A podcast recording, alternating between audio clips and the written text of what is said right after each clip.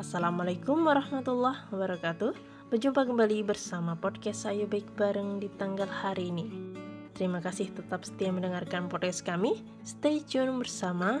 Ayo Baik Bareng. Untuk kesempatan hari ini kita akan sharing judulnya Ketika Bill Gates memberi makan ikan.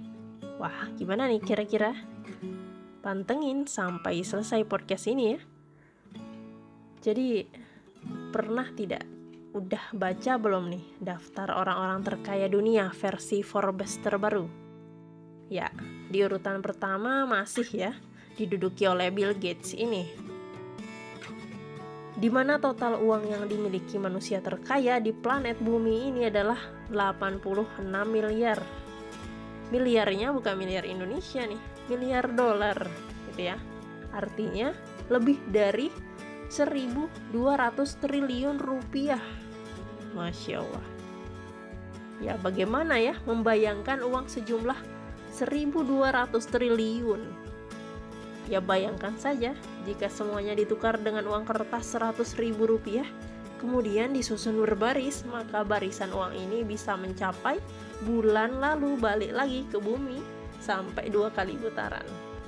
Jadi dari bulan ke bumi sampai dua kali putaran banyaknya. Kurang lebih ya. Menakjubkan. Ya jumlah uang sebanyak ini pun ternyata masih terus bertambah dan bertambah. Bagi seorang Bill Gates. Ya Bill Gates earn ini about 250 US dollar every second katanya. Ya begitulah faktanya keuntungan bisnisnya ini bertambah sebanyak 3 juta setengah setiap detik. Tiap detik 3 juta setengah.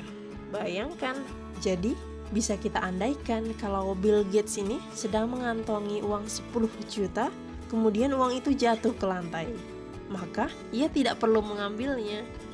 Karena jika ia butuh 3 detik untuk mengambil uangnya itu bukankah dalam jangka waktu tersebut kekayaannya sudah kembali seperti semula tanpa perlu mengambilnya lagi.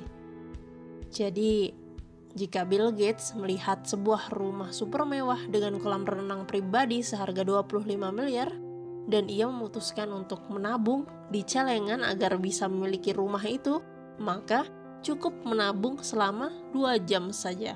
Akhirnya, uang dalam celengannya tersebut sudah bisa untuk membelinya. Betapa menakjubkan ya betapa berlimpahnya kekayaan Bill Gates. Namun demikian, tetap saja belum apa-apa dibandingkan Nabi Sulaiman. Inilah dia nabi terkaya di dunia sepanjang masa.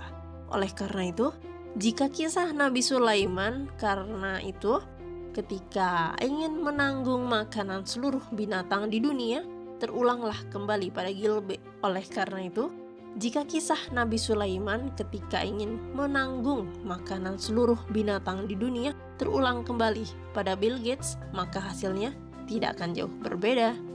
Anggap saja semua kekayaan Bill Gates ini yang ribuan triliun itu dibelikan makanan ikan. Kemudian dibagi kepada seluruh ikan yang hidup di lautan.